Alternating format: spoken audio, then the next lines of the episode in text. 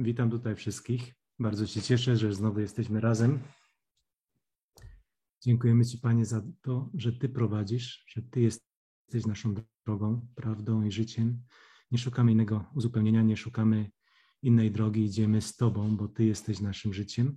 Tylko przez Ciebie jesteśmy zdolni niektóre rzeczy w naszym życiu uczynić i wypowiedzieć. Dziękujemy Ci za Twoją mądrość, którą w nas włożyłeś, za Twojego Ducha Świętego, który, który w nas mieszka i który odkrywa Twoją mądrość i wszystkie te cechy, które On ze sobą przyniósł, miłość, dobroć, wierność, łagodność, życzliwość, radość, wstrzemięźliwość i cierpliwość. Dziękujemy Ci za te dary, które Duch Święty w nas wyzwala i z Niego to płynie. Prowadź nas, Duchu Święty, przez ten temat epok istnienia człowieka, epok w Bożym planie zbawienia ludzkości, żeby to zostało wypowiedziane, co Ty chcesz wypowiedzieć, nie nasze słowa, Twoje słowa, Twój przekaz. Dziękujemy za to błogosławieństwo, błogosławimy wszystkich, którzy słuchają teraz i później, i jeszcze później, i jeszcze później. Dziękujemy Ci, Panie, za to. Błogosławimy także tych, którzy Ciebie szukają i tych, którzy Ciebie nie szukają, a być może nawet nie wiedzą, że Cię szukają. Dziękujemy Ci, Duchy Święty, że Ty działasz na tych ludzi, bo zostałeś wylany na wszelkie ciało i dotykasz każdego człowieka i zwracasz mu uwagę na to, że jest coś więcej niż tylko to, co widzimy fizycznymi oczyma. Dziękujemy za to, błogosławieństwo, Twoją mądrość i Ty, Panie, jesteś pośród nas i w nas i Ty prowadzisz przez ten temat. Amen. Tak, kochani, dziękuję bardzo za to, że tutaj jesteście. Dzisiaj czwarty odcinek tej y, serii Osiem epok w Bożym planie zbawienia ludzkości. Osiem epok w Bożym planie zbawienia ludzkości. I teraz ta czwarta epoka, dzisiaj nie zdążymy jej całkowicie omówić, bo ona jest tak bardzo obszerna i takie głębokości w tej, y, w tej epoce są zawarte, że naprawdę potrzebujemy trochę czasu, żeby to ogarnąć. I ta epoka, epoka nazywa się epoką obietnicy. Na początku, jak zawsze, ten werset z Księgi Izajasza 55 rozdziału 11 wiersza, gdzie nasz Ojciec mówi tak, tak jest z moim słowem, które wychodzi z moich ust, nie wraca do mnie puste, lecz wykonuje moją wolę i spełnia pomyślnie to, z czym je wysłałem. I ten zamysł zbawienia ludzkości, ten zamysł błogosławienia ludzkości utworzył się jeszcze przed e, stworzeniem ziemi.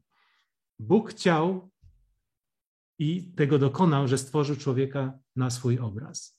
Tylko, że człowiek, mając wolną wolę, zadecydował trochę inaczej. No i od tego momentu człowiek zaczął y, wymyślać różne sposoby y, y, myślenia, różne sposoby decyzji. Wziął i spożył ten owoc poznania dobra i złe, zła i sam zaczął ustanawiać, co jest dobre, co jest złe. Co z tego wynikło? Y, y, znamy z historii ludzkości i wiemy, jak teraz, w którym momencie teraz żyjemy, że nadal ludzie próbują sami rozsądzać, co jest dobre i złe, i najczęściej niestety przewracają się po drodze i upadają i nie dochodzą do końcowych celów. Później przychodzi dzień śmierci i nasze życie jest po prostu y, zakończone, ale niedokonane. A Jezus Chrystus powiedział: Wykonało się, dokonało się. On chce, żeby nasze życie, plan naszego życia też został dokonany i wykonany. I teraz ostatnio rozmawialiśmy o, o epoce rządów ludzkości i te rządy, które powstały po potopie, one pokazały, że człowiek nie jest zdolny sam siebie rządzić. On próbuje wszystko centralizować, ale Bóg, Bogu się to nie podoba, bo Bóg powiedział, że niech zostanie napełniona cała ziemia rozmnażajcie się i napełniajcie ziemię. I dlatego stąpił z nieba i te języki ludzkie pomieszał przy budowie wieży Babel, tak że ludzie się rozeszli po całej ziemi. I teraz przechodzimy do tej epoki obietnicy, która trwała od, od kiedy? Od czasów Abrahama, jak Abraham usłyszał głos Boży, do czasów, jak naród y, izraelski, przenosząc się do Egiptu, został tam uwięziony i stał się niewolnikami Egipcjan. To jest ten właśnie okres, gdzie, te, gdzie ta epoka obietnicy została po prostu zrealizowane. Te obietnice, które tam powstały, obowiązują do dzisiaj. I teraz chciałbym na ten temat lekko wejść. Ten okres jest około 430 lat, w których to się wszystko wydarza, o czym będziemy mówić. Będziemy mówić najpierw o tym pierwszym okresie, o okresie Abrahama, i to przymierze zostało zawarte w tym okresie z Abrahamem, Zostało, jest to przymierze jednostronne i bezwarunkowe. Co to oznacza? Tam nie ma powiedzenia od Boga, jeżeli ty będziesz tak i tak czynił, to ja cię będę błogosławił. Czyli nie ma te, tego obowiązku ze strony człowieka coś uczynić, żeby osiągnąć to błogosławieństwo, które płynie od Boga, które jest jednostronne i bezwarunkowe. To będziemy w czasie rozważania dokładnie widzieć. Błogosławieństwo Abrahamowe, y, które z tym związane jest, jest takie. I będę błogosławił tym, którzy Tobie będą błogosławić, a tych, którzy przeklinają Ciebie, będę przeklinać. Następnie jest to rozszerzone też na naród izraelski. Kto błogosławi Izraela, będzie błogosławiony. I następnym błogosławieństwem, które z tym jest zawarte, którzy są z wiary, dostąpi, dostępują błogosławieństwa. Czyli warunkiem jedynym, ale który nie jest obowiązkowy dla człowieka, jest to, będę błogosławił tym, którzy Tobie będą błogosławić. I będę przeklinał tych, którzy Ciebie będą przeklinać. To była wypowiedź y, Boga do Abrahama. Głównym bohaterem w tej epoce błogosławieństwa jest naturalnie Bóg i Abraham. Jako przedstawiciel wielu narodów, a także narodu izraelskiego. I dalsze postanowienia tego, tego przymierza to są takie, że Abraham jest ojcem wielu narodów. Abraham jest ojcem wszystkich wierzących. Następne. Jak, co jest główną Ewangelią tego, tego okresu, tego przymierza postanowionego z, z Abrahamem? Główny przekaz duchowy tej Ewangelii to jest właśnie to, co już mówiliśmy. W Tobie będą błogosławione wszystkie narody. Następny, y, następną Ewangelią, czyli dobrą nowiną tego, y, tego przymierza jest uwierzył Panu i poczytano mu to za sprawiedliwość. I można to jeszcze dalej rozwinąć. Sprawiedliwy z wiary żył będzie. To jest ta Ewangelia tego przymierza z Abrahamem. Jaki jest stan tego przymierza, status? To przymierze nadal trwa, jest kontynuowane i obowiązujące jest jednostronne, bo to jest przymierze pełne łaski, pełne wiary, pełne miłości i ona trwa od czasów Abrahama do dzisiaj. Jest, jest ważne właśnie w okresie łaski, Oprócz tego jeszcze będzie trwało przez ten okres tysięcu, tysiącu lat, tysięcu, tysiąca lat Królestwa Bożego, tysiąca lat Królestwa Bożego tutaj na ziemi, aż do momentu, kiedy zostanie ustanowiona nowa ziemia i nowe niebo. Czyli my żyjemy w tym przymierzu, pod tym przymierzem i jesteśmy tym objęci. Dowiemy się te z dalszego rozwa rozważania. Ofiara, która z tym związana była, to była ta ofiara Abrahama, który złożył w wierze już swego syna Izaaka w ofierze dla Boga. To się nie dokonało, bo Bóg w odpowiednim momencie przerwał to, ale ta jego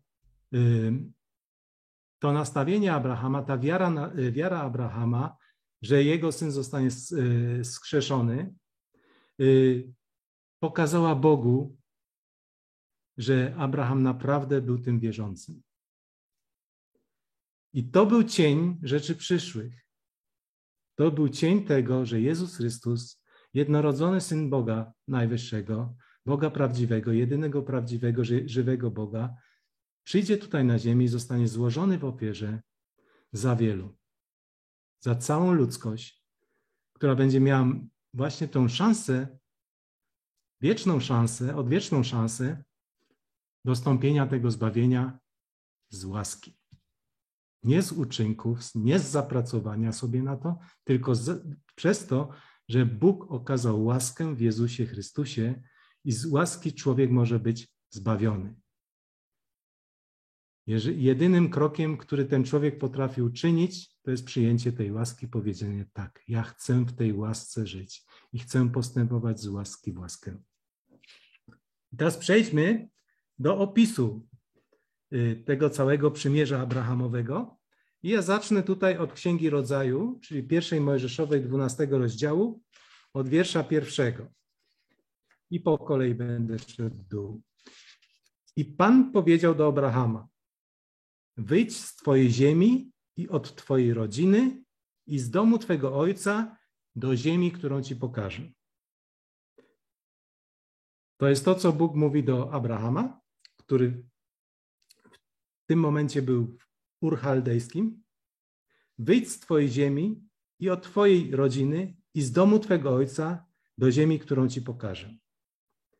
I mówi, tutaj są trzy błogosławieństwa teraz, które wypowiada w tym momencie do niego, a uczynię z Ciebie wielki naród. Będę Ci błogosławił i rozsławię Twoje imię. I będziesz błogosławieństwem. Te trzy pierwsze błogosławieństwa, wielki naród będzie z Ciebie się wywodził, będę Ci błogosławił i rozsławię Twoje imię, się wypełnia, wypełniły prawie już całkowicie. Ciekawe to jest, że jego imię zostało, imię Abrahama zostało tak rozsławione, że jest bardzo ważnym punktem y, w trzech wielkich religiach światowych. W judaizmie, w chrześcijaństwie i w islamie. Wszystkie te trzy religie przykładają wielką rolę do tego, kim był Abraham i że Abraham był tym przodkiem ich, w ich religiach. Naszym ojcem jest Abraham. Tak samo mówią ci z islamu. Naszym ojcem jest Abraham. Pochodzimy od Abrahama. Chrześcijaństwo mówi tak, że, e, że Abraham też jest ojcem wszystkich wierzących.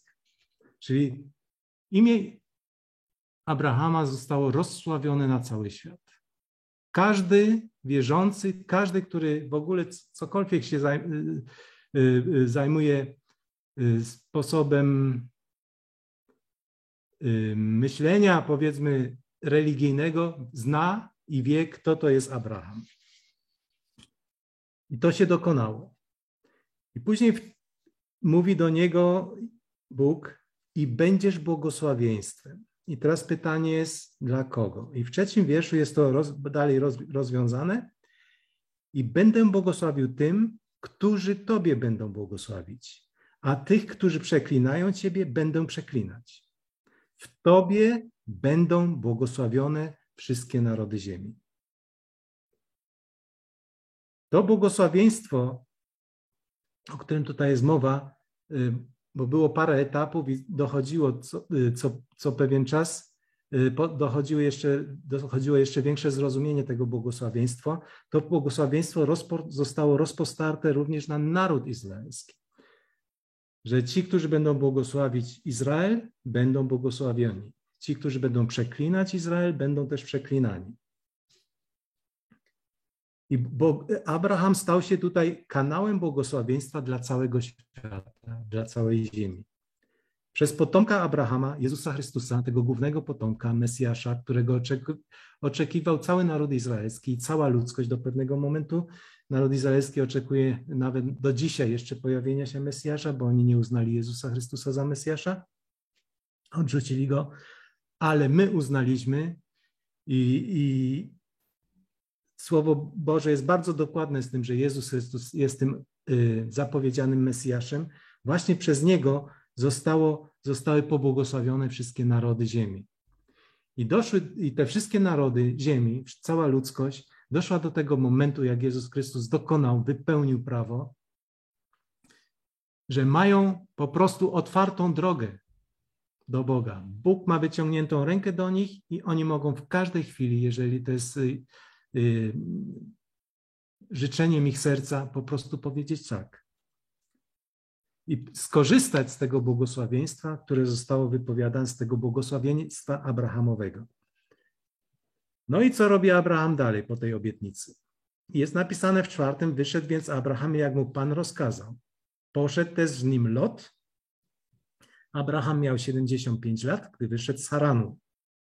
I Abraham wziął swoją żonę Saraj, Lota, syna brata swego, i cały dobytek, który zgromadzili, i dusze, które nabyli w Haranie, czyli y, swoich sług. I wyszli, aby udać się do ziemi Kanaan. I przybyli do ziemi Kanaan. To jest ta ziemia, którą Pan chciał mu pokazać. I Abraham wziął swoją żonę, to już czytałem, Abraham przeszedł przez tę ziemię aż do miejsca Sychem, Sychem do równiny More. Na tej ziemi byli wówczas Kananejczycy.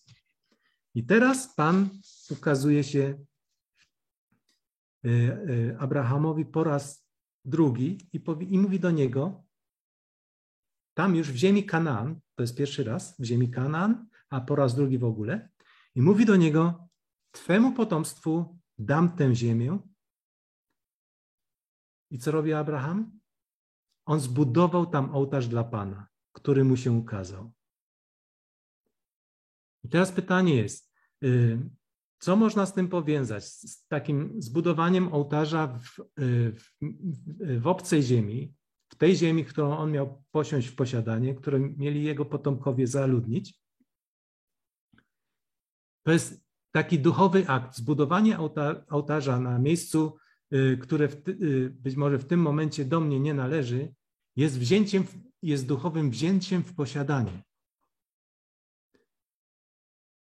Bo ołtarz dla Pana, dla tego jedynego żywego Boga, który egzystował i egzystuje do dzisiaj y, w, w świecie duchowym, Y, y, y, jest właśnie tym aktem duchowym wzięcie w posiadanie tej ziemi, która została mi obiecana. I później co robi dalej Abraham? W ósmym wierszu, a stamtąd przeniósł się do góry na wschód od Betel i tam rozbił swój namiot między Betel od zachodu i Aj od wschodu. Tam również zbudował ołtarz dla Pana i wzywał imienia Pana. I teraz znowu jest tutaj akt duchowy wzięcia w posiadaniu tej ziemi. Oprócz tego tam jest powiedziane i wzywał imienia Pana, czyli wprowadził też uwielbienie, nabożeństwo dla jedynego, żywego, prawdziwego Boga, Jahwe. I ludzie, którzy tam mieszkali w tej ziemi, musieli to w jakiś sposób zauważyć. I dalej jest napisane w dziewiątym wierszu, Potem Abram wyruszył, idąc ku, południowi, ku południu. Czyli znowu poszedł w drugim kierunku. On przemierzył całą tą ziemię, którą Bóg mu obiecał. Bo Bóg kazał mu tam przejść i przemierzyć. To było posłuszeństwo Abrahama, to był uczynek wiary, że on wyszedł tam, skąd pochodził, gdzie mieszkał razem ze swoim ojcem i ze swoją dalszą rodziną, opuścił tą ziemię opuścił swojego ojca, opuścił y, swoich y, krewnych, posłuchał głosu Boga i poszedł właśnie tam, y, gdzie Bóg mu nakazał, do ziemi kananejskiej. To był krok wiary ze strony Abrahama. Ciekawe jest, co na ten temat jest napisane w liście do Hebrajczyków w 11 rozdziale, w 8 i 9 wierszu. Tam jest powiedziane tak.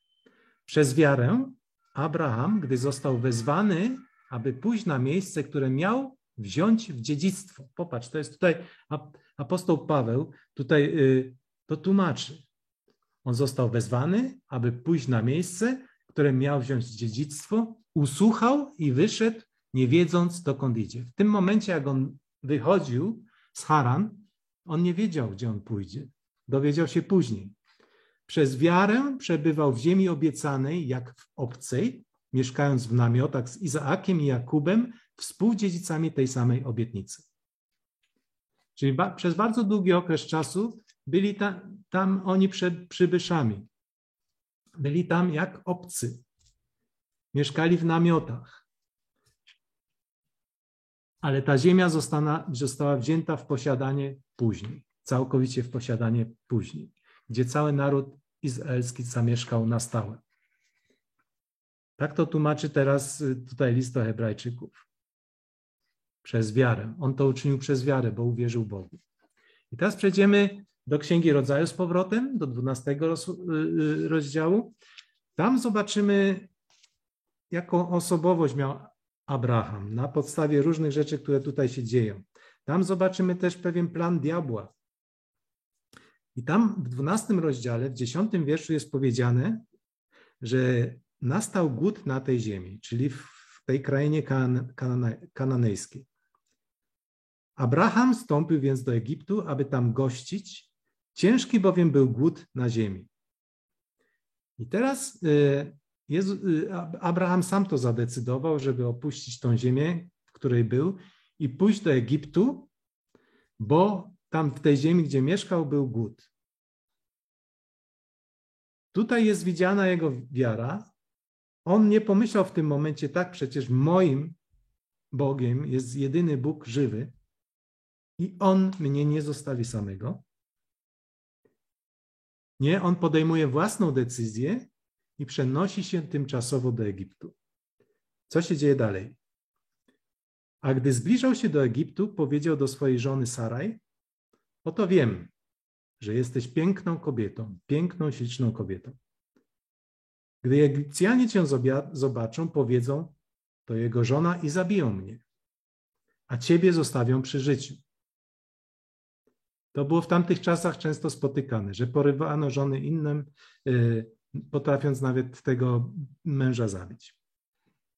I on sobie za dużo myśli znowu robił. Y, to jest ciekawe, bo, bo to jest podobne do, do tego, co, co my nieraz y, w naszym życiu sobie wymyślamy, myślimy i czym się przejmujemy i przed czym mamy strach i, nie, i w jaki sposób nie ufamy Bogu. I on mówi do tej swojej żony: Mów proszę, że jesteś moją siostrą. On namawia swoją żonę do tego, żeby ona tak kłamała, tak jak on w tym momencie kłamiał. Prawdą jest, że ona była jego półsiostrą. Ona narodzi, y, y, jej, ojciec, jej ojcem był też, był też ojciec Abrahama, ale pochodziła z innej matki, z drugiej matki, z innej kobiety. I dlatego była półsiostrą i była, ale była pierwszej linii żoną Abrahama. I on namawia teraz do, ją na to, żeby ona opowiadała, że jest jego siostrą. Ale ciekawe są pobudki jego serca, bo on tu mówi tak. Aby mi się dobrze wiodło ze względu na ciebie, ja bym dzięki tobie pozostał przy życiu. Czyli tutaj widać te pobudki egoistyczne. Z jednej strony boi się, a z drugiej strony wie, że jak, e, że jak ona zostanie zabrana, to on będzie miał bardzo duże jakieś zyski materialne z tego powodu. No i tak się stało. 14. Gdy Abram wszedł do Egiptu, Egipcjanie zobaczyli, że ta kobieta jest bardzo piękna. Co ciekawe, w tym czasie, w tym dniu, w tym momencie Sara miała już 65 lat. Ale była piękną, śliczną kobietą, nie było takiej drugiej na ziemi. Ujrzeli ją też dostojnicy faraona i chwalili ją przed nim. Czyli ta wieść o tej piękności Sary e, po prostu rozprzestrzeniła się po całym Egipcie i wszyscy to wychwalali. Była chwalona i wychwalana przed samym faraonem. I zabrano tę kobietę do domu faraona. A ten, i tutaj zaczyna się to yy, ciekawe, Dobrze traktował Abrahama ze względu na nią. Abraham więc co dostał? Owce, woły, osły, służących i służące, oślice i, wielbłądy. Czyli Abrahamu, y, Abrahamowi dał faraon y, jakby taki, jak to nazwać, zapłatę za jego siostrę, że on mógł ją zabrać do swojego haremu. I wtedy między innymi, to jest tylko taki Y, takie słowo, które akurat tutaj pasuje, taka uwaga, jest powiedziane, że on dostał służący, czyli ta Hagar została w tym momencie dana jemu jako służąca. O Hagar będziemy mówili, mówili w drugiej części. I fa, a co się dzieje dalej? W 17 wierszu jest powiedziane: Pan dotknął faraona i jego dom wielkimi plagami. Wielkimi plagami z powodu Saraj, żony Abrahama, żony Abrama. Więc faraon wezwał Abrahama i powiedział: Coś ty mi zrobił? Czemu mi nie powiedziałeś, że ona jest twoją żoną? Dlaczego mówiłeś, że ona jest moją siostrą? Także mogłem ją sobie wziąć za żonę. A teraz oto twoja żona, weź ją i idź.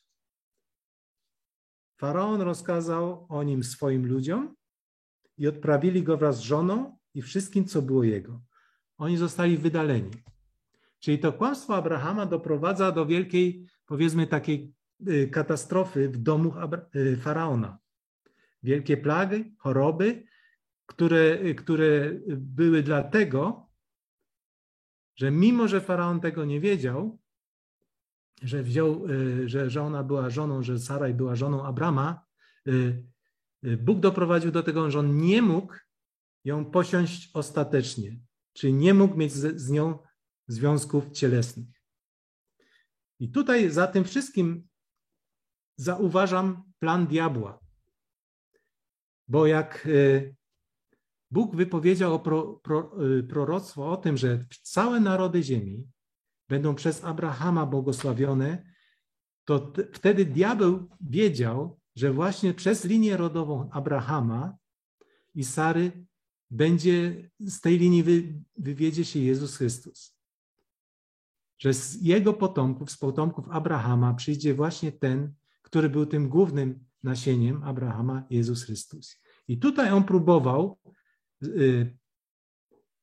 zareagować w ten sposób, że chciał, żeby obcy człowiek, faraon, miał stosunki cielesne z Saraj, bo chciał ją za żonę wziąć, i nie doszłoby wtedy do, do, do połączenia Abrahama z Sarą i nie mógłby się z tej linii rodowej urodzić Jezus. Bo Abraham i Sara byli do tej pory, powiedzmy, bezpłodni. Y, nie mieli własnego syna. Jeszcze nie było na świecie nawet tego Ismaela. I to jest taki, taki, taki wątek, który był za tym schowany. I, co, i następ, następna rzecz, którą tutaj zobaczymy y, albo widzimy, czytając y, tą historię, mimo że Abraham zgrzeszył, skłamał i nawet był gotów na to, że, y, że faraon zbezcześci jego żonę, Bóg był wierny, bo Bóg zrobił z nim przymierze, że będzie go błogosławił, że będzie go chronił, i nie dopuścił do tego Bóg, żeby tak się stało. Jak sobie Abraham trochę myślał i na co on pozwalał. Bóg od razu zainterweniował, bo przymierze z Abrahamem było przymierzem bezwarunkowym, jednostronnym. Bóg się zobowiązał, nie Abraham.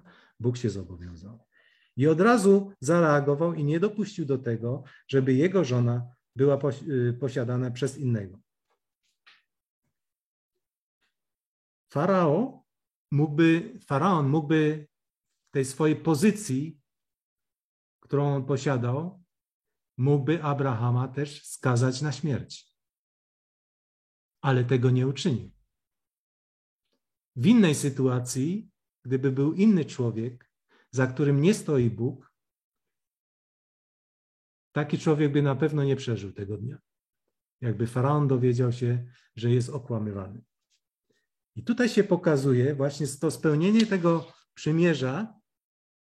Będę błogosławił tym, którzy Tobie będą błogosławić, a tych, którzy przeklinają Ciebie, będą przeklinać. Faraon był przeklę, przeklęty w tym momencie, mimo że nie wiedział wszystkiego do końca, ale to, co on czynił, było przeciw, przeciwko woli Ojca, przeciwko woli Boga do życia Abrahama. Było przeciwne temu błogosławieństwu i za to został przeklęty, za to te, te plagi. Bóg go nie zabił.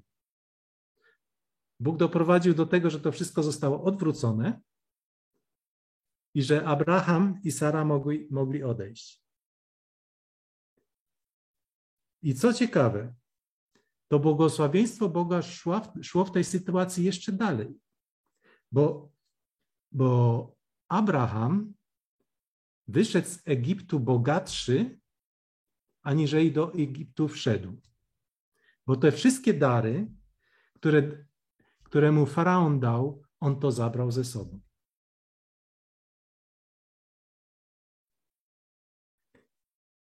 I to, to jest naprawdę wspaniałe, jeżeli człowiek zauważy ten wątek, że mimo, mimo wszystko, że Abraham postępował w niegodny sposób, Bóg go błogosławił, bo Bóg mu to powiedział. To jest też takim pewnym obrazem dla tych, którzy z łaski i z wiary zbawieni są, że nawet jak upadamy, jeżeli nawet wątpimy, Bóg jest wierny. Ta łaska działa dalej. To funkcjonuje. On nie zostawia. On wybawia. On wyciąga z opresji. Jest tutaj ten przykład Abrahama. Tej sytuacji jest naprawdę super. Co się dzieje później? Lot też był z Abrahamem w Egipcie i po tym, jak e, Abraham stał się tak bogaty, zabrakło miejsca po prostu jakoś tam na tej równinie, gdzie oni byli w, w, w Kanaanie. I pasterze albo słudzy Lota i słudzy Abrahama zaczęli się ze sobą kłócić o te poletka i tak dalej, że nas tutaj za dużo. I Abraham mówi do Lota, ok, Dan, dzielimy się, oddzielamy się, nie chcemy mieć ze sobą sporów. Oni ze sobą nie mieli sporów, ale właśnie ich słudzy mieli spory. Rozwiążemy tą sytuację, że każdy pójdzie w swoją stronę. I Abraham mówi do Lota, jak ty pójdziesz na prawo, to ja pójdę na lewo, jak ty pójdziesz na lewo, to ja pójdę na prawo. No i Lot y, wybrał sobie tą krainę, którą widział, tam tą piękną krainę, y, żyzną krainę i poszedł tam. I zamieszkał tam. Zamieszkał w pobliżu miasta Sodom, Sodomy. A, a Abraham pociągnął dalej. I teraz przechodzimy do 13 rozdziału. Tam Bóg mówi po raz trzeci do Abrahama i potwierdza znowu swoją obietnicę. I w 13 rozdziale od 14 wiersza jest powiedziane tak. I Pan powiedział do Abrahama, gdy Lot już odłączył się od niego. Mówi do niego: Podnieś Twoje oczy i spójrz na miejscach, na miejsca, na którym teraz jesteś, na północ, na południe, na wschód i zachód. On był na, na takiej górze podwyż, podwyższony i mógł widzieć w każdym kierunku tego świata, który tam był widoczny. I on spojrzał, podniósł swoje oczy. Bo całą ziemię, którą widzisz, dam Tobie i Twemu potomstwu. Na wieki. Na jak długo? Na wieki. I rozmnożę Twoje potomstwo jak proch ziemi. Także jeśli ktoś będzie mógł zliczyć proch ziemi, to również Twoje potomstwo będzie policzone. A to jest niemożliwością, żeby zliczyć proch ziemi. To jest niemożliwością. I teraz mówi do niego: Wstań i przejdź tę ziemię wzdłuż i wszerz, bo dam ci ją. I to błogosławieństwo i ta obietnica to jest znowu obietnica, bo dam ci ją. Tą całą ziemię, którą widzisz. Także tą ziemię, którą sobie wybrał Lot. Bo później z historii Izraela wiemy, że tą ziemię posiedli Izraelici. A synowie, y, synowie y, Lota, Moab i Amon musieli się stamtąd wynieść. Czyli ta obietnica dotyczyła Abrahama i jego rodziny. I co robi Abraham w 18 wierszu? Abraham zwinął więc namiot, przyszedł i mieszkał na równinach Mamre, które są w Hebronie, i tam zbudował ołtarz dla Pana. I znowu akt duchowy bierze w posiadanie tą ziemię, którą mu Bóg dał. To nie, był, to nie było jakieś takie uzurpowanie sobie tego. Bóg mu ją dał i powiedział: To jest Twoje. To, jest, to dostaną Twoi synowie, Twoi potomkowie. Co się później dzieje dalej? Później następuje wojna czterech królów przeciwko pięciu królom. Podczas tej wojny zostaje zajęta Sodoma i Gomora, Lot zostaje uprowadzony do niewioli ze wszystkim i wszyscy mieszkańcy Sodomy i Gomory zostają też uprowadzeni. Abraham dowiaduje się o tym, mobilizuje swoich sług i ma ich 318, którzy byli zdolni i byli wyszkoleni, poszli za tymi, za tymi królami, uwalniają Lota, porwanych mieszkańców Sodomy i Gomory i wracają. I wracając, spotyka Abraham dwóch królów. Króla Sodomy, nowego króla, bo ten pierwszy, który był zawikłany w tą wojną, zginął, jest to opisane. I spotyka drugiego króla, króla Salemu, Melchizedeka, który nie tylko był królem, ale i kapłanem. I co ciekawe, przy tym całym spotkaniu są także właśnie ci uratowani ludzie z Sodomy i Gomory. I król Sodomy chce jakiś, chciałby tych swoich ludzi odzyskać, mimo że oni byli przez to, że, że Abraham y, wygrał, jego łupem. Ale Abraham nie chce mieć nic od tego króla Sodomy i mówi, że, mu go, że, ich, że ich odda ich, ich, ich własność, ich dobra oddaje całkowicie z powrotem, bo nie chce, żeby później mówiono, że król y, Sodomy i Gomory, y, przez niego został Abraham wzbogacony. I oprócz tego nie chciał tej, tego, y, tego bogactwa albo tego, tego gestu ze strony tego króla wziąć. Co ciekawe jest, ci wszyscy mieszkani Sodomy i Gomory, którzy zostali uwolnieni, ich życie zostało uratowane, mogli wrócić do swoich domów, oni nie czują wdzięczności do, do prawdziwego Boga. Bo przezwyciężenie, tych królów przez tych 318 sług y, Abrahama y, było rzeczą ponadnaturalną. Bóg za tym się krył. I, i chwałę, chwała zostana, została oddana Bogu. Bo jak Melchizedek, król Salemu, Salem to później było to miasto Jeruzalem, to była stolica krajów Jebuzytów, on stamtąd się po, po, po, y, pochodził.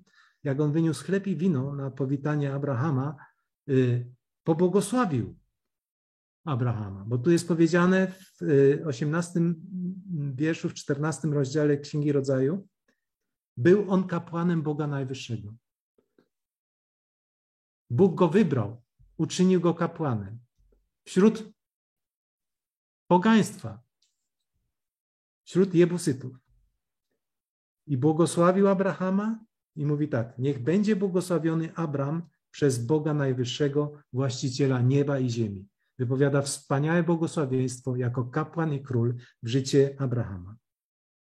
I później mówi dalej w 20: Niech będzie błogosławiony Bóg Najwyższy, który wydał Twoich wrogów w Twoje ręce, i Abram dał mu dziesięcinę ze wszystkiego.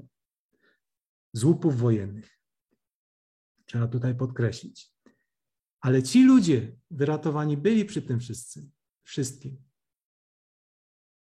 I po prostu oni przyjęli to uwolnienie, ale nie poszli za Bogiem. Bo to widzimy, i to będziemy później y, omawiać za drugim razem, y, do jakiego stanu zostali doprowadzeni przez ich oporność y, mieszkańcy Sodomy i Gomory. Większość z nas to już wie, ale jeszcze będziemy to później w następnym wykładzie za dwa tygodnie rozważać. Tutaj, będąc błogosławionym przez kapłana i króla Boga Najwyższego, Melchizedeka, oddaje to gest ze strony Abrahama i, błogosław, i błogosławieństwo też dla tego króla oddaje dziesięcinę z tych, z tych łupów. I dowiemy się tego teraz później, bo teraz połączę to teraz y, z Księgą Psalmów 110, gdzie też mowa jest o, o, o Melchizedeku. I w Księdze Psalmów, w 110 psalmie, w pierwszym rozdziale jest powiedziane tak, w pierwszym wierszu jest powiedziane tak, psalm Dawida. Powiedział Pan do mego Pana, usiądź po mojej prawicy, aż położę Twoich wrogów jako podnóżek pod Twoje stopy. My wiemy, do kogo tu mowa jest.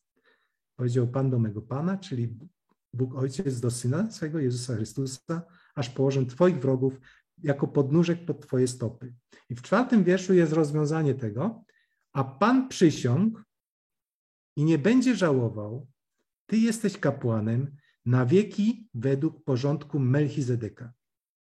To jest mowa o Jezusie Chrystusie, który miał być kapłanem na wieki, czyli nieśmiertelnie, według porządku Melchizedeka, mianowany przez Boga, a nie przez rodowód. Bo to kapłaństwo, które my znamy ze strony Izraela, które wywodziło się y, z Lewitów, wywodziło się przez rodowód. Było całkiem innym kapłaństwem. Nie miała z tym kapłaństwem Melchizedeka, które było mianowane prosto z nieba przez Boga, nic do czynienia. I teraz w liście do Hebrajczyków jeszcze na ten temat mówi apostoł Paweł bardzo dużo. W siódmym y, y, rozdziale, pierwszym, od pierwszego zacznę czytać. Ten bowiem Melchizedek, król Salemu, kapłan Boga Najwyższego, wyszedł na spotkanie Abrahama, wracającego po rozgromieniu królów i błogosławił go. Jemu zaś Abraham wydzielił dziesięcinę ze wszystkiego. Jest on najpierw według tłumaczenia królem sprawiedliwości, potem królem Salemu, co znaczy król pokoju, bez ojca, bez matki, bez rodowodu, nie mający ani początku, ani końca życia, ale upodobniony do Syna Bożego, pozostaje kapłanem na zawsze.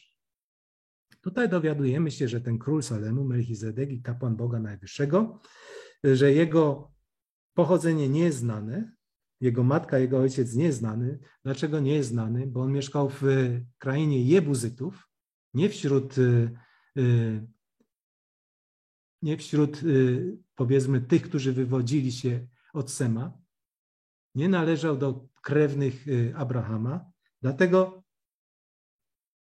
różne, różne jakieś dokumenty, czy, nie dokumenty, czy, czy, do, czy nie dokumenty, czy wpisy po prostu nie były, nie były w, zasięgu, w zasięgu Izraela nie mający ani początku dni, ani końca życia, czyli o jego narodzeniu o jego śmierci nic nie wiemy. Upodobniony do Syna Bożego, bo był pierwowzorem, był typem tego późniejszego prawdziwego kapłana, wiecznego kapłana i króla Jezusa Chrystusa.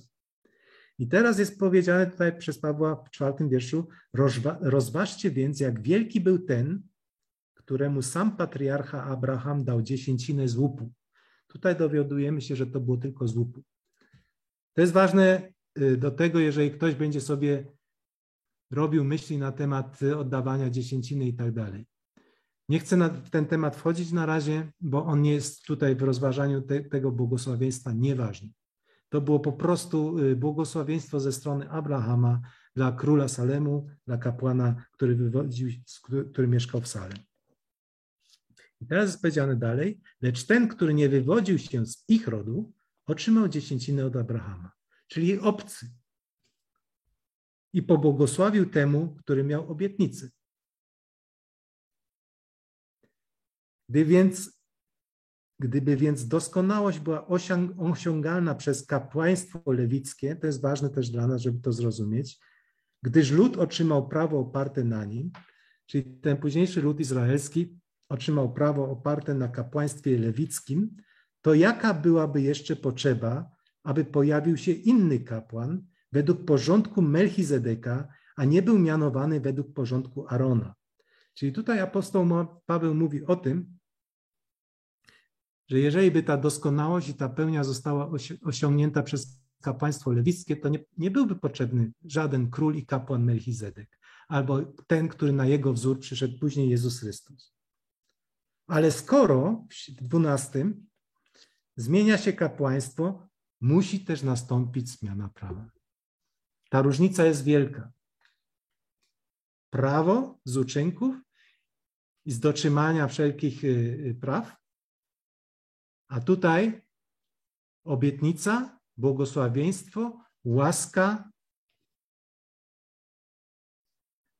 I teraz w trzynastym ten zaś, o którym się to mówi, należał do innego pokolenia, z którego nikt nie służył przy ołtarzu. I teraz jest pytanie, o kim tu mowa. I w czternastym odpowiada Paweł na ten temat tak. Wiadomo bowiem, że nasz Pan, i tu mówi o Jezusie Chrystusie, pochodził z pokolenia Judy, o którym to pokoleniu odnośnie kapłaństwa Mojżesz nic nie mówi. Kapłaństwo należało do pokolenia Lewitów ale nasz Pan pochodził z pokolenia Judy. On nie miał z tym kapłaństwem nic do czynienia. I dalej kontynuuje pa Paweł. Jest to jeszcze bardziej oczywiste, skoro na podobieństwo Melchizedeka pojawia się inny kapłan, który stał się nim nie według cielesnego przykazania prawa, ale według mocy niezniszczalnego życia. Tak bowiem świadczy, to jest mowa o świadectwie Boga, które było wypowiedziane w psalmie, które przedtem przeczytałem, Ty jesteś kapłanem na wieki według porządku Melchizedeka. W osiemnastym zostało więc zniesione poprzednie przykazanie z powodu jego słabości i nieużyteczności. Czyli słabość prawa jest tutaj pokazana. I ono zostało zniesione, bo teraz w dziewiętnastym mówi, prawo bowiem nie uczyniło niczego doskonałym, ale na jego miejsce została wprowadzona lepsza nadzieja, przez którą zbliżamy się do Boga. A stało się to nie bez złożenia, nie bez złożenia przysięgi. Tamci bowiem zostali kapłanami bez przysięgi. Tutaj jest mowa o, o kapłanach, którzy wywo, wywo, wywodzili się z rodu lewickiego. Ten zaś na podstawie przysięgi tego, który powiedział do niego: Przysiąg Pan, i to jest powiedziane właśnie w, też w tym psalmie, i nie będzie żałował. Ty jesteś kapłanem na wieki według porządku Melchizedeka. Tu jest mowa o Jezusie Chrystusie, że Jego kapłaństwo, że Jego królestw, królowanie jest z przysięgi Pana, Ojca, przysięgi Ojca, Boga Ojca. Jest czymś o wiele wyższym, zdolnym, doskonałym, pełnym niż to dawne y, kapłaństwo lewickie, które opierało się na prawie mojżeszowym. I teraz mówi dalej, o tyle też Jezus stał się poręczycielem lepszego przymierza. Jezus jest poręczycielem lepszego przymierza. My będziemy o przymierzu y, mojżeszowym mówić w jednym z następnych odcinków, ale tutaj jest przynajmniej część już powiedziana, że Jezus stał się poręczycielem lepszego przymierza. W 23, a wprawdzie tamtych kapłanów było wielu, gdyż śmierć nie pozwoliła im trwać na zawsze, wiadomo, żyli tylko kilkadziesiąt lat i umierali. Ten zaś, Jezus Chrystus, ponieważ trwa na wieki, ma kapłaństwo nieprzemijające, wieczne. I, I teraz konkluzja. Dlatego też całkowicie może zbawić tych, którzy przez Niego przychodzą do Boga, bo zawsze żyje, aby wstawiać się za nami, za nimi. Popatrz, On może tylko całkowicie zbawić tych, którzy przez Niego przychodzą do Boga. Dlaczego? Bo zawsze żyje, aby stawiać się za nimi. Jest mowa, że Jezus się wstawia za nami. Jeżeli upadliśmy, jeżeli coś było nie tak, On się zawsze za nami wstawia. On staje i na Niego patrzy Ojciec. I Ojciec mówi, o, to jest mój Syn. Wszystko w porządku. Wszystko gra. To on. Amen. I teraz mówi dalej.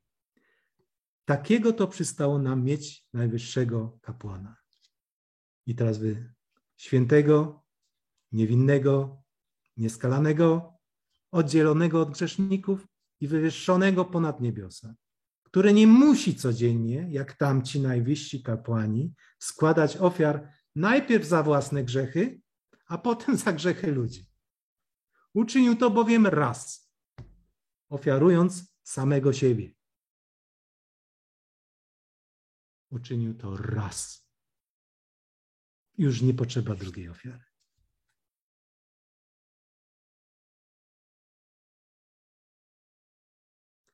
I konkluzja tutaj. Prawo bowiem ustanawiało najwyższymi kapłanami ludzi, którzy podlegają słabościom. Słowo zaś przysięgi, która nastąpiła po prawie, ustanowiło syna doskonałego na wieki. Jeżeli to zrozumiemy, jeżeli to przyjmiemy,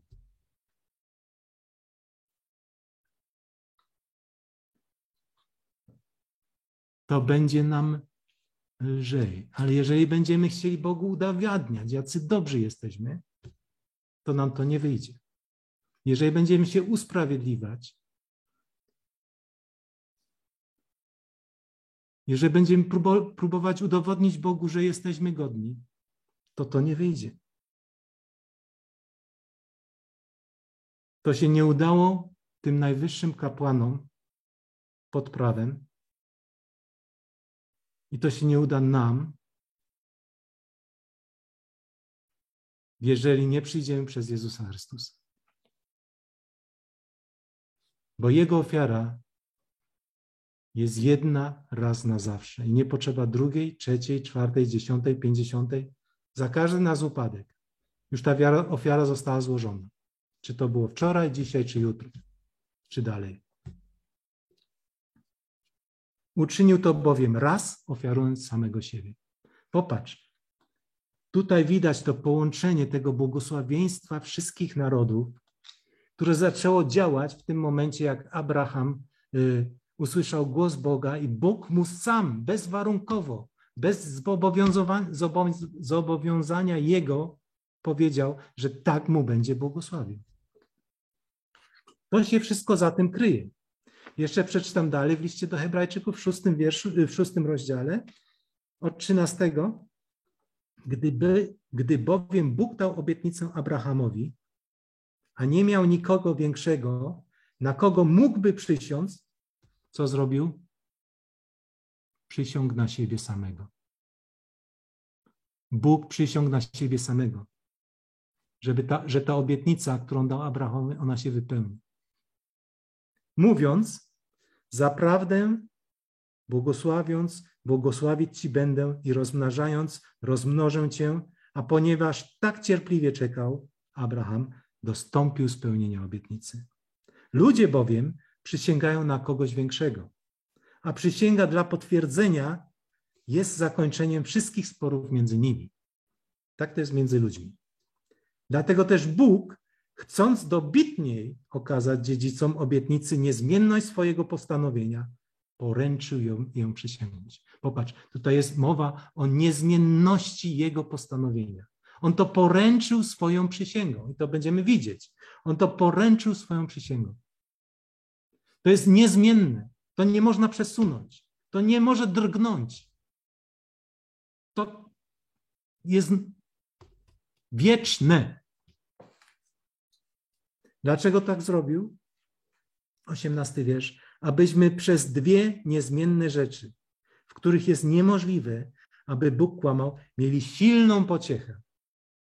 My, którzy uciekliśmy, by pochwycić się zaofiarowanej nam nadziei, a którą mamy jako kotwicę duszy, bezpieczną i niewzruszoną, sięgającą poza zasłonę. Tu jest mowa o zasłonie, Y, które znajdowało się, która znajdowała się przed miejscem najświętszym. Kotwicę duszy bezpieczną, niewzruszoną, sięgającą poza zasłonę. Gdzie w to miejsce poza zasłonę?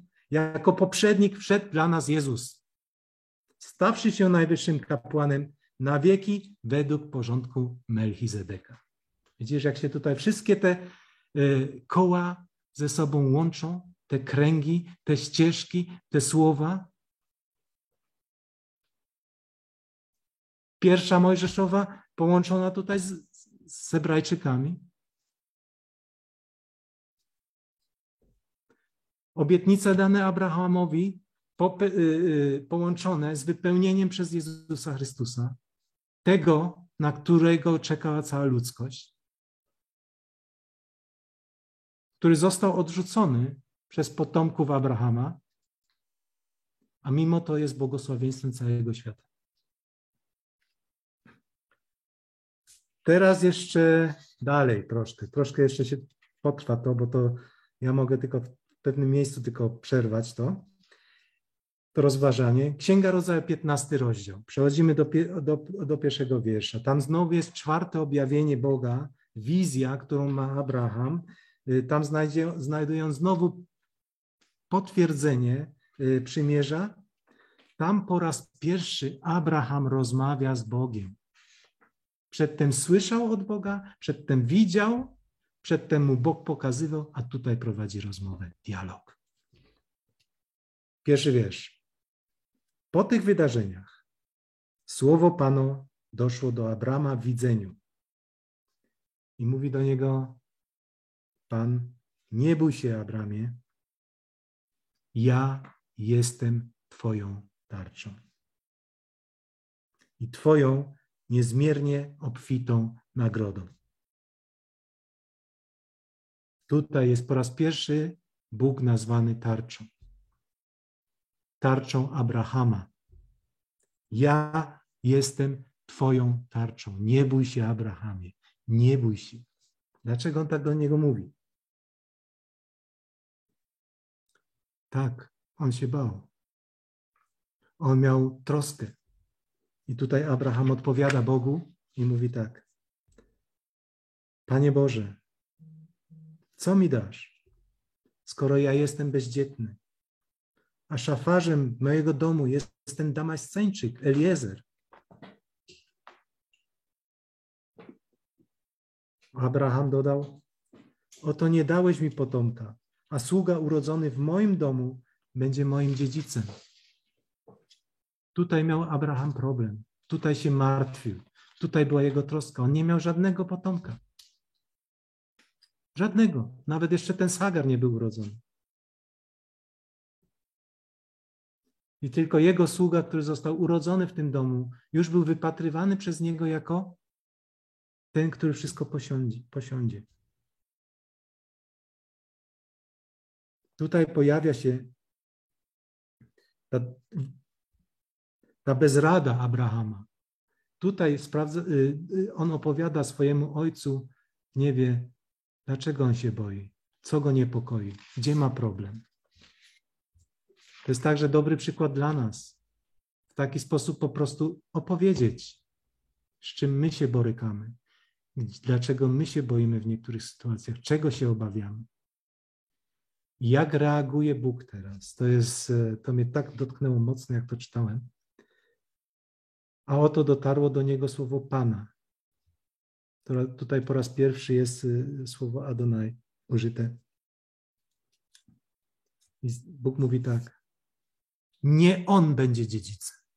Nie on będzie twoim dziedzicem, lecz ten, który wyjdzie z twego wnętrza, z twych lędźwi będzie Twoim dziedzicem.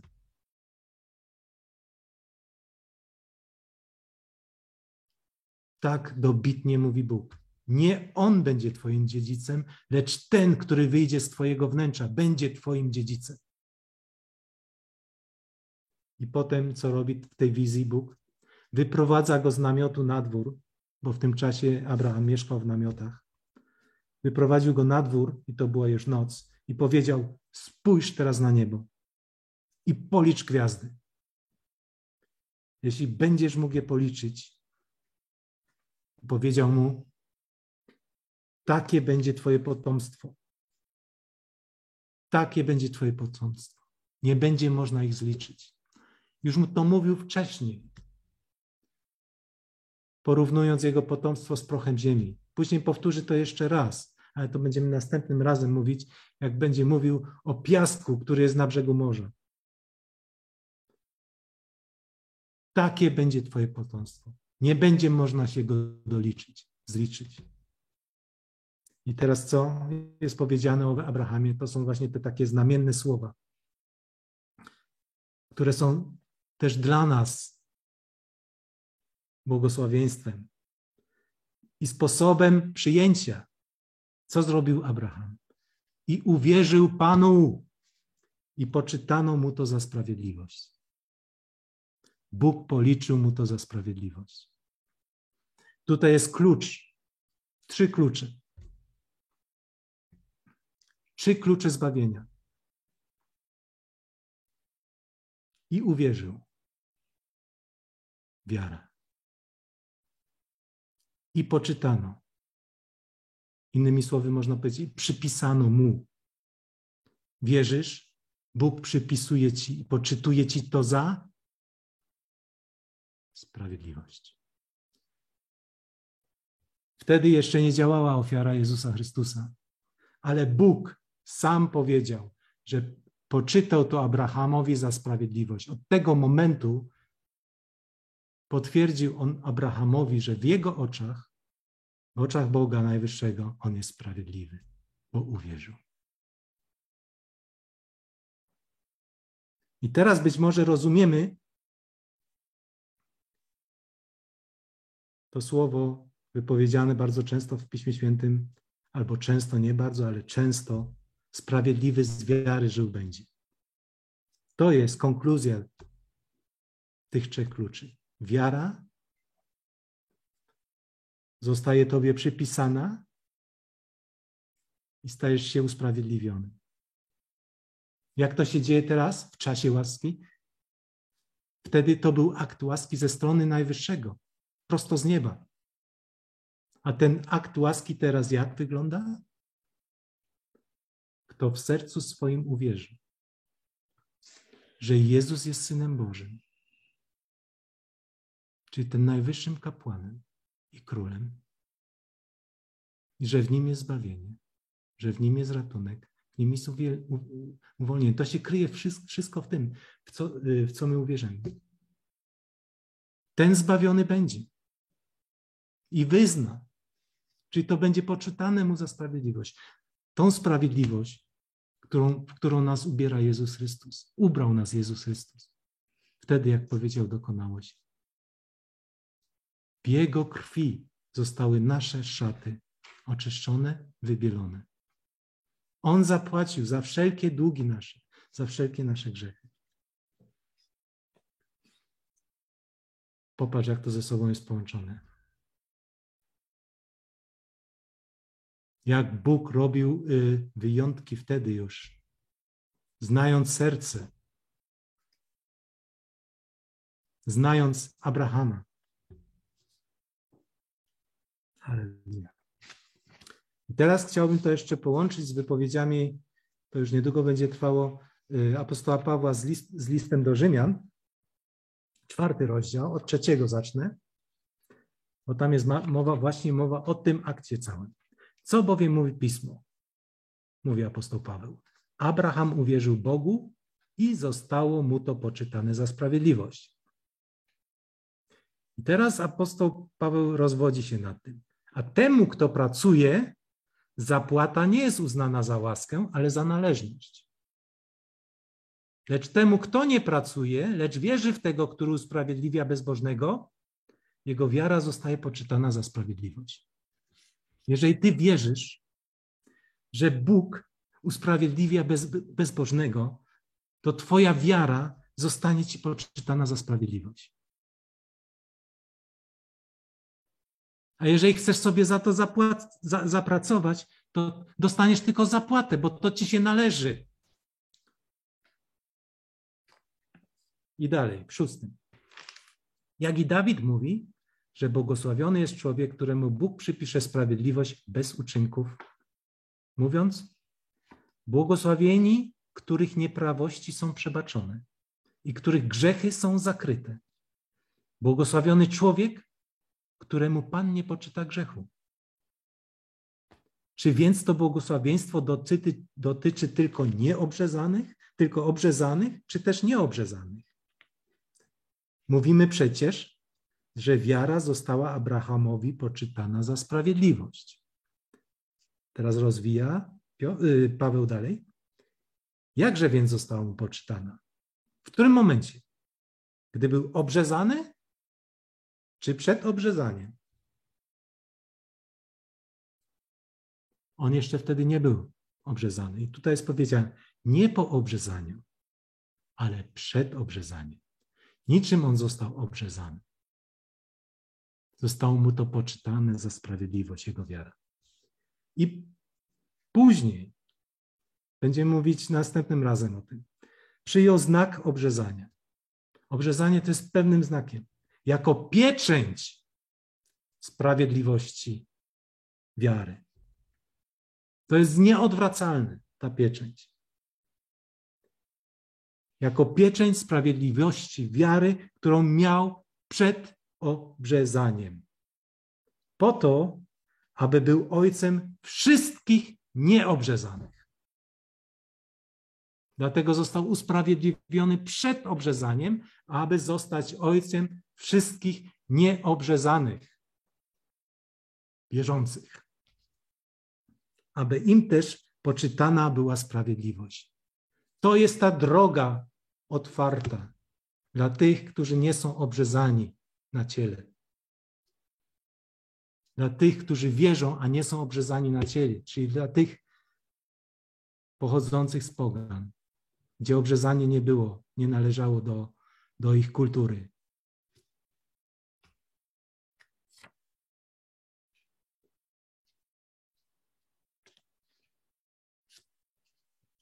I teraz dalej. I aby był ojcem obrzezania, nie tylko tych, którzy są obrzezani, obrzezani, ale też tych, którzy chodzą śladami wiary naszego ojca Abrahama, którą miał przed obrzezaniem. Jeżeli idziesz śladami ojca naszego Abrahama, wiary naszego ojca Abrahama,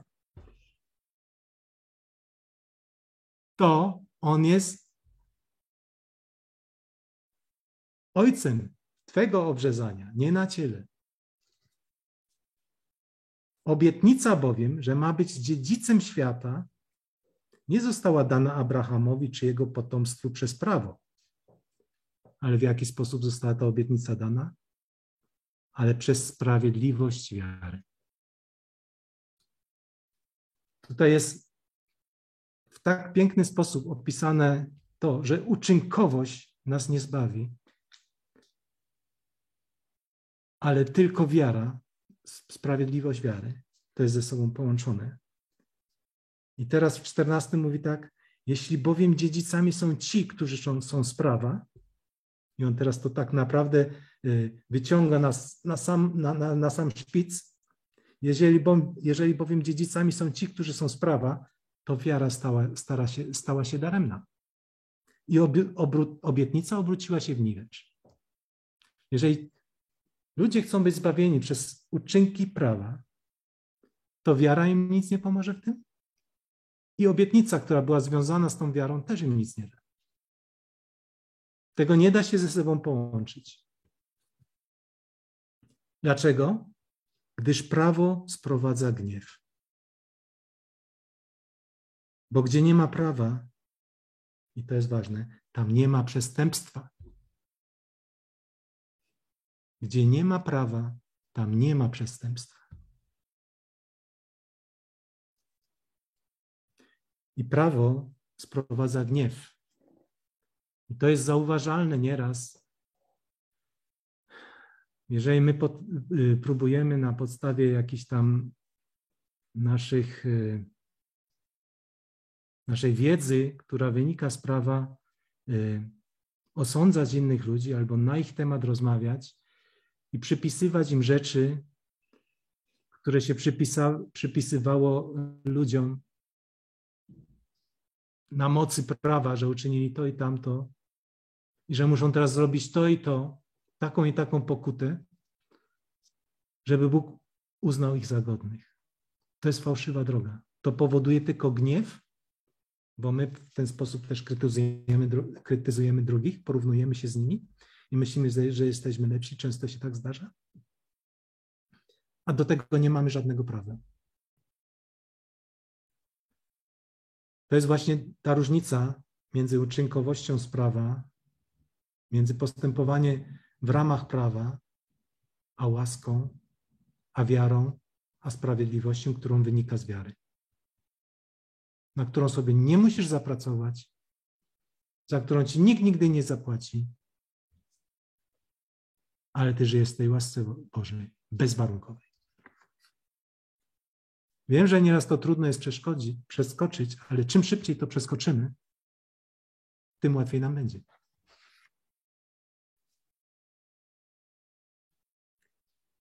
Teraz idziemy dalej. Teraz szesnasty wiersz. Tak więc dziedzictwo jest z wiary. Ty staniesz się dziedzicem z wiary współdziedzicem Jezusa Chrystusa. Aby było z łaski. i żeby obietnica była niewzruszona dla całego potomstwa, nie tylko dla tego, który opiera się na prawie, czyli narodu izraelskiego, ale i dla tego, który jest z wiary Abrahama, który jest ojcem nas wszystkich. Bóg chce wszystkich objąć.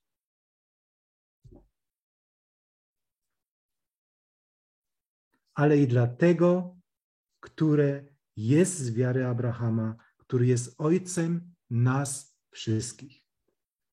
17 wiersz. Jak jest napisane? Ustanowiłem Cię ojcem wielu narodów przed Bogiem, któremu uwierzył, który ożywia umarłych i przywołuje te rzeczy, których nie ma, tak jakby były. Tam nie ma nic niemożliwego. Rzeczy, które nie są, które my nie widzimy, które, które fizycznymi oczami nie widzimy, albo widzimy całkiem co innego, on przywołuje rzeczy, których my nie widzimy. I tutaj jest pokazane jak. On, czyli Abraham, to wbrew nadziei, mając nadzieję, uwierzył, że stanie się ojcem. Że stanie się ojcem wielu narodów, według tego, co mu powiedziano. Takie będzie Twoje potomstwo. Proch, gwiazdy na niebie, piasek na brzegu morza. On w to uwierzył, że stanie się ojcem wielu narodów. A nie będąc słabym wierze, teraz ciekawe, nie będąc słabym wierze, nie zważał na swoje już obumarłe ciało, bo miał około stu lat. Bo miał około stu lat.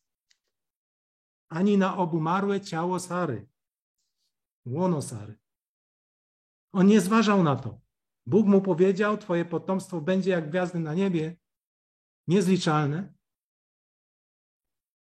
On miał już 100 lat, około 100 lat, bo w 99 roku rozmawiał z Bogiem na ten temat swego życia. I on zauważył, że jego ciało już było obumarłe. I on zauważył, że łono Sary, Sara też to zauważyła i było obumarłe, ale nie będąc słabym wierzy, nie zważał na to.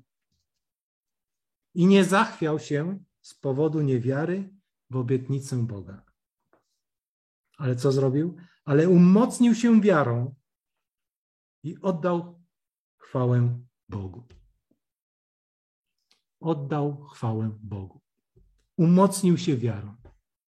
Bóg mi parę razy to powiedział. Zapewniał mnie, rozmawiał ze mną, pokazał mi w wizjach, jak wielkie będzie, jak, jak niezliczalne będzie moje potomstwo. Wszystko jedno, jak stary jestem, jak obumarły jestem, jak słaby jestem, co z moją żoną jest. Ja wierzę, bo to On, mój Bóg, mój Pan, mój Ojciec powiedział. I nie zachwiał się. Widzisz? Nie zachwiał się. Nie zachwiał się. Będąc też pewien tego, że to, co on, Bóg obiecał, ma moc też uczynić. Dlatego, i tutaj jest klucz, zostało mu to poczytane za sprawiedliwość. On już wtedy był usprawiedliwiony. A nie tylko ze względu na niego samego napisano, że zostało mu to poczytane, ale i ze względu na kogo? Na nas, którym ma być poczytane, którzy wierzymy w tego, który wskrzesił z martwych Jezusa naszego Pana. To, co Abraham wtedy uczynił, ta jego wiara została nam też poczytana. Popatrz, jakie to jest, jaką schedę dostaliśmy, jakie dziedzictwo po Abrahamie. Nam to zostało poczytane, którzy wierzymy w tego, który wskrzesił z martwych Jezusa, naszego Pana. I który został wydany za nasze grzechy i, w to, i tych dla naszego usprawiedliwienia. I teraz jeszcze końcówka, jeszcze bardziej dobitnie w liście do Galacjan. Apostoł Paweł mówi w trzecim rozdziale od szóstego tak jak Abraham uwierzył Bogu i zostało mu to poczytane za sprawiedliwość.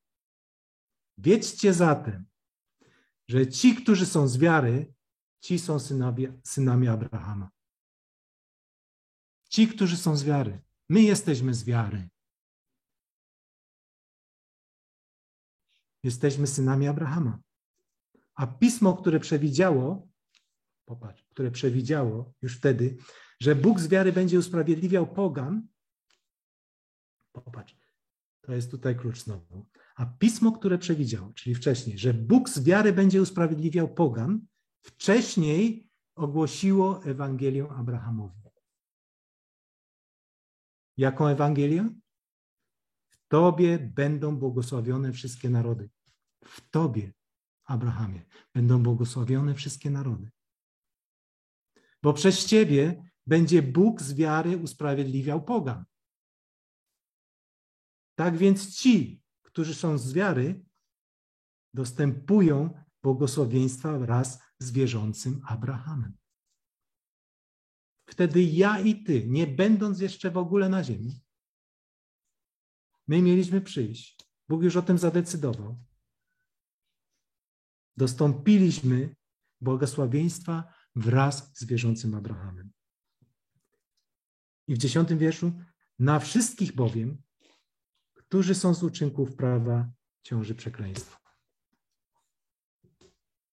Bo jest napisane, przeklęty każdy, kto nie wytrwa w wypełnieniu wszystkiego, co jest napisane w Księdze Prawa.